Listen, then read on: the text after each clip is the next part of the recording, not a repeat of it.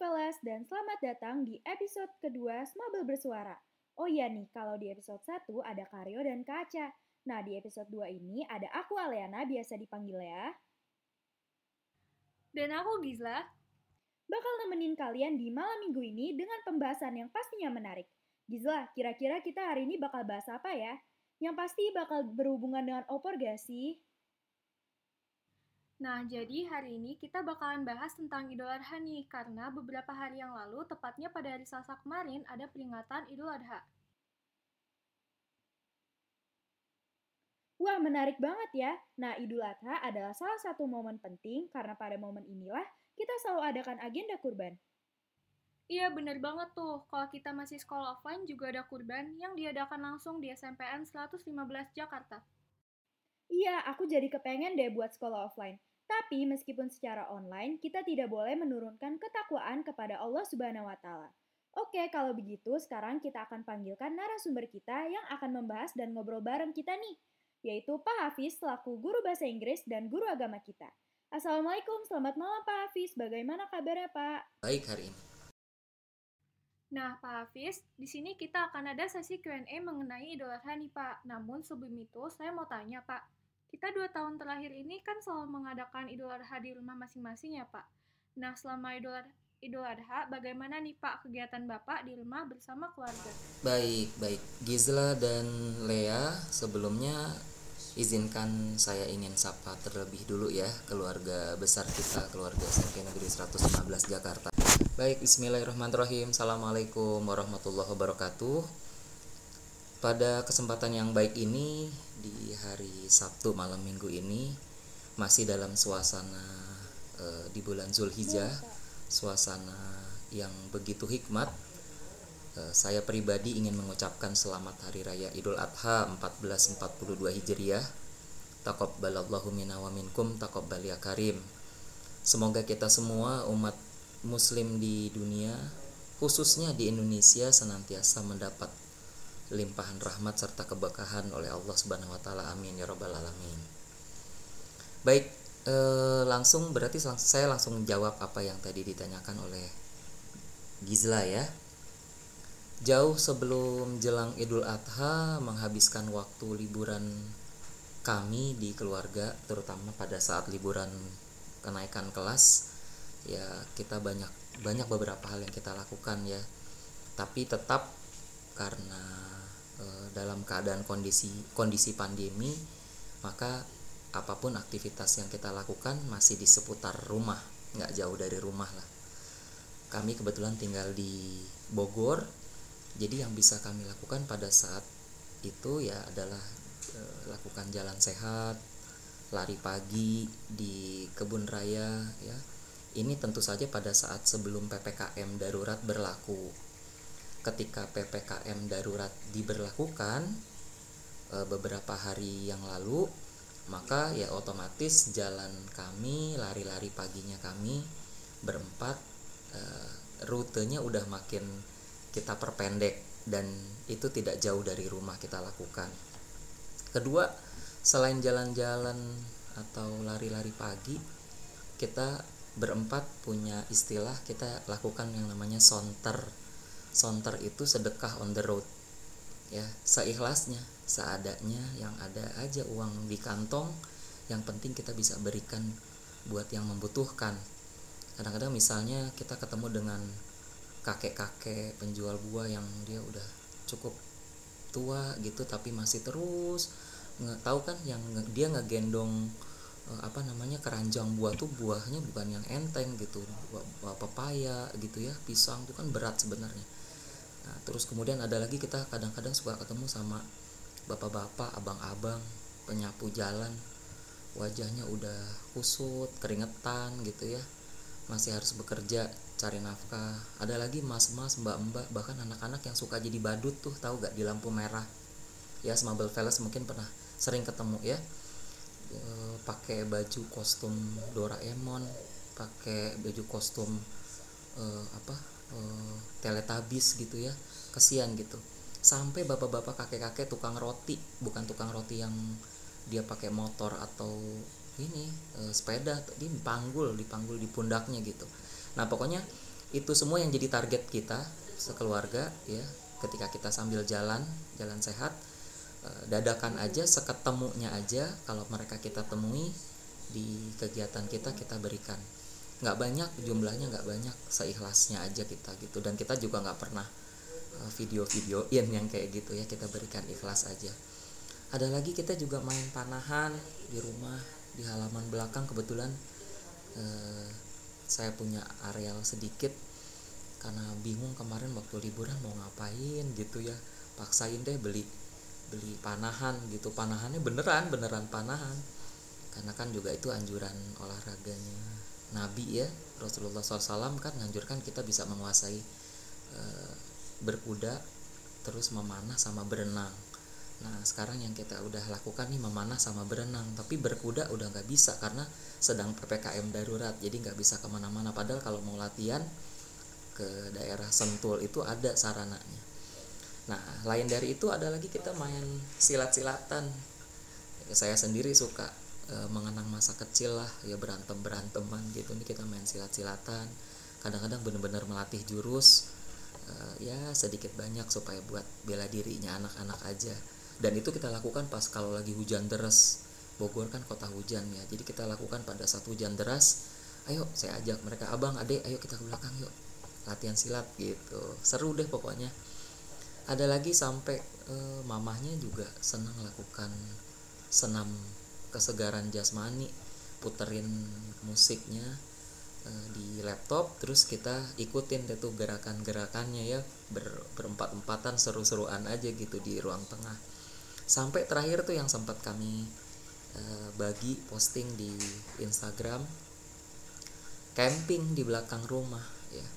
Karena itu menutup rangkaian liburan mereka liburan saya juga dengan istri nah, jadi kita camping di belakang. Diriin tenda beneran beneran matiin lampu gitu seolah-olah pokoknya dan memang situasinya keadaannya kebetulan kalau di Bogor kan masih sejuk ya udaranya. Nah malamnya kita bikin ya barbecue barbekyuan lah istilahnya gitu ya.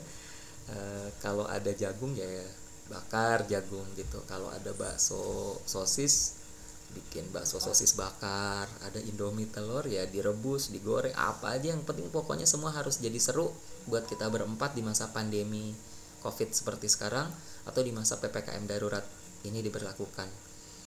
Momen kita sekeluarga di rumah menyambut uh, hari raya kan ada dua idul fitri dan idul adha. Yang pasti uh, yang selalu kita nanti ya bikin ketupat lebaran ya.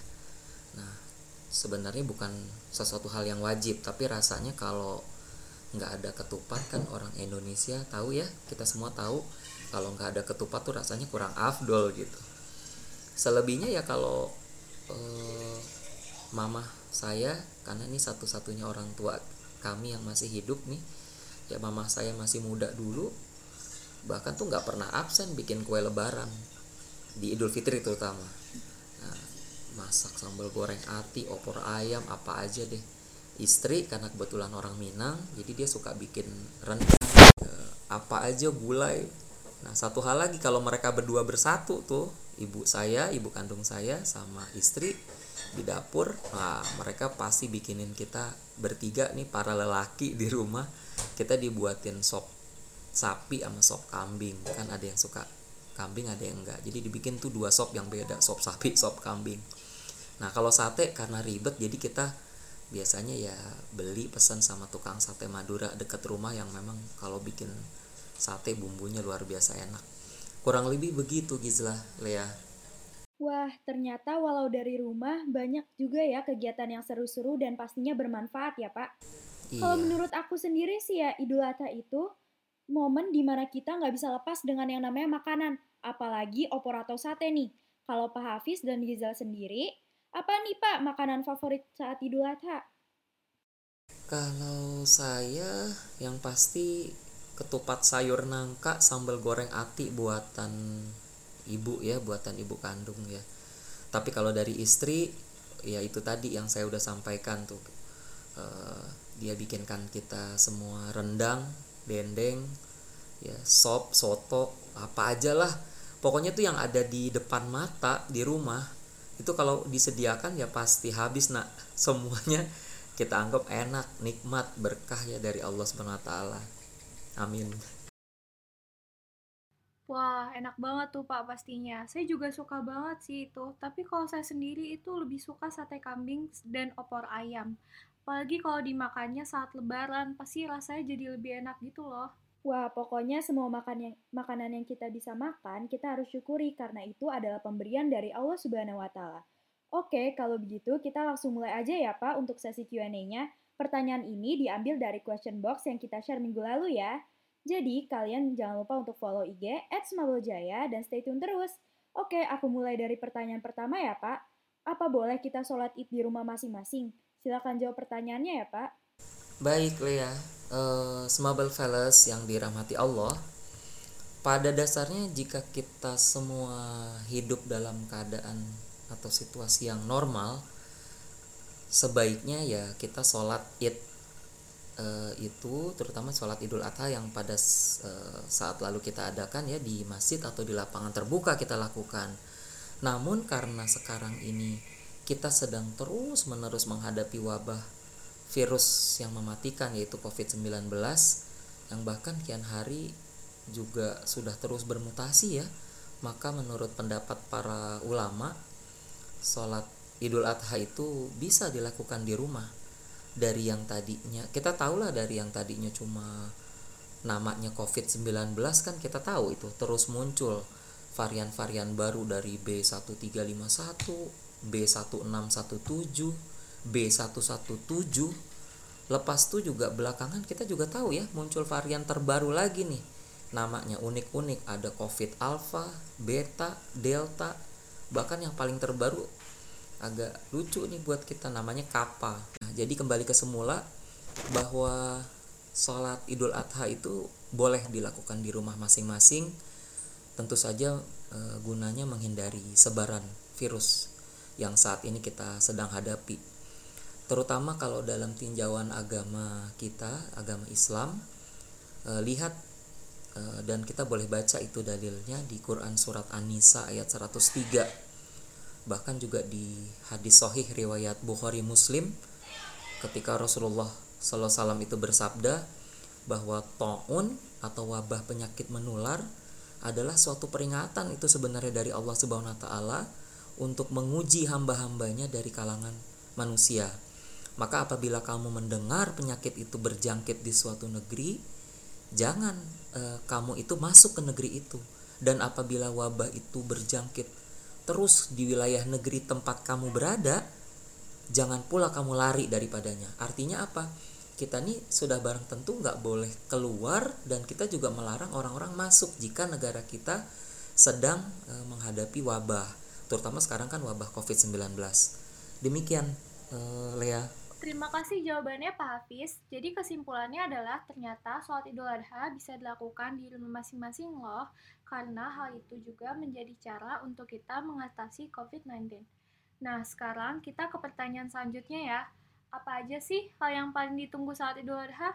Sebelum ke Pak Hafiz, kalau dari saya sendiri pastinya itu yang paling ditunggu adalah kumpul bersama keluarga sambil makan ketupat bareng dan bakar sate bareng-bareng. Kalau dari Pak Hafiz dan Lea sendiri, apa nih yang paling ditunggu? Uh, ini Pak Hafiz dulu apa Lea dulu nih? Pak Hafiz dulu Boleh ya. Pak Hafiz dulu. Ya. Baik, baik. Bagi saya pribadi dan kami sekeluarga di rumah, uh, momen yang paling sangat berkesan uh, kalau di momen Lebaran ya, di atau di momen Idul Fitri atau Idul Adha seperti sekarang, itu adalah rasa uh, haru dan campur bahagia ya ketika melakukan sungkeman. Entah apa ada istilah lain di kita di kalangan masyarakat Indonesia tapi kalau kami menyebutnya dengan sungkeman. Ya cium tangan gitu ya ke yang lebih tua terus uh, jadi seperti saya cium tangan ke ibu dulu istri saya juga begitu. Setelah itu uh, baru anak-anak cium tangan ke kami ke saya dan istri dan ke neneknya begitu. Itu namanya sungkeman. Pokoknya ada rasa haru campur bahagia. Apalagi pada saat itu dilakukan aduh e, kayaknya nih e, biar kita laki kadang-kadang air mata nih nggak kebendung gitu ya. Apa netes aja gitu otomatis. Karena nginget sebelum-sebelumnya waktu-waktu sebelumnya kita suka masih lengkap. Kalau kalian yang orang Jawa pasti tahu dong ya e, sebutannya kita mungkin masih ada e, yang kakung, yang uti gitu ya. Atau kalau yang Betawi masih ada engkong, masih ada neneknya gitu ya. Terus kalau di Jawa Barat biasanya mereka masih bersama berkumpul bareng sama akinya masih sama niniknya uh, bahkan sampai ya adalah beberapa uh, di antara kita suka mengingat uh, kan kalau saya mertua saya sudah dua-duanya sudah nggak ada sudah wafat. Ayah kandung juga sudah wafat. Jadi ya itu rasanya wah begitu haru lah ya begitu hikmat kalau kita lakukan itu. Uh, apa prosesi sungkeman itu walaupun sederhana nggak nggak formal kita lakukan tapi semuanya uh, mengingatkan kita ya supaya kita lebih banyak bersyukur kalau kita sampai hari ini uh, masih sehat walafiat. Makanya kalau kita selalu mengingat Allah Subhanahu wa taala lewat sholat kita lewat doa kita uh, rasa-rasanya Allah Subhanahu wa taala tuh Tuhan yang Maha itu luar biasa baiknya gitu ya. Sampai hari ini kita masih diberikan kesempatan hidup. Nggak tertular nggak terpapar covid gitu ya. Masih lengkap kita. Kita semua kebetulan di keluarga masih ada berlima nih. Saya istri anak dua dengan ibunda kami nah maka Allah swt itu berikan begitu banyak limpahan gitu rahmat karunia semualah rezeki kepada kita semua di rumah demikian Gizla Lea kalau dari aku sendiri, itu mungkin sama ya dengan kebanyakan orang, yaitu makan bersama habis sholat id nih. Nah, sekarang kita lanjut ke pertanyaan selanjutnya ya Pak. Sebenarnya dari mana sih awal mulanya kita adakan kegiatan kurban? Baik Lea, Gizla dan Smable Fellas yang dirahmati Allah. Uh, peristiwa penting dari kenapa awal mulanya kok bisa ada gitu ya kegiatan kurban Tentu saja ini diilhami dari peristiwa penting yang dialami langsung oleh Nabiullah Nabi Ibrahim alaihissalam. Karena pada saat itu ya beliau e, bermimpi untuk menyembelih di jadi diminta oleh e, sang kholik kita ya oleh Allah swt untuk menyembelih putra kesayangannya sendiri ya yakni Nabi Ismail alaihissalam dan ternyata sebenarnya mimpi tersebut e, juga merupakan pertanda bahwa Nabi Ibrahim itu mendapatkan wahyu dari Allah, menguji keimanan ketakwaan Nabi Ibrahim sebagai nabi. Dan kisah ini uh, tentu saja bukan sekedar uh, omongan atau cerita uh, belaka gitu, cerita yang dibuat-buat oleh orang, bukan, tapi kisah mengenai perintah penyembelihan uh, putra dari Nabi Ibrahim alaihissalam yaitu Nabi Ismail alaihissalam itu benar-benar diabadikan di dalam Al-Qur'an. Ya di dalam kitab suci kita dalam kitab suci Al-Qur'an surat As-Saffat ayat 99 sampai ayat 111 kalau diceritakan panjang sekali tapi di antaranya adalah mengisahkan bahwa uh, Nabi Ibrahim ketika itu uh, bermimpi dan diminta untuk menyembelih putranya dan kemudian keesokan harinya setelah terbangun dari tidur uh, dengan rasa gundah gulana gitu ya dia sampaikan itu ke putranya. Wahai ananda anandaku Ismail siap tidak kalau aku mendapat perintah dari Allah Subhanahu wa taala untuk menyembelihmu? Apa itu yang dijawab? Ini juga sering disampaikan oleh gurunda kita ya eh, Pak Haji Ismail di ceramah-ceramahnya kalau lagi tadarus Jumat tuh Pak Hafiz juga suka dengerin juga itu. Ya apa apa langsung jawaban dari eh, Nabiullah Nabi Ismail? Nggak pakai berpikir panjang tuh nak. Ya Smabel Velas ya.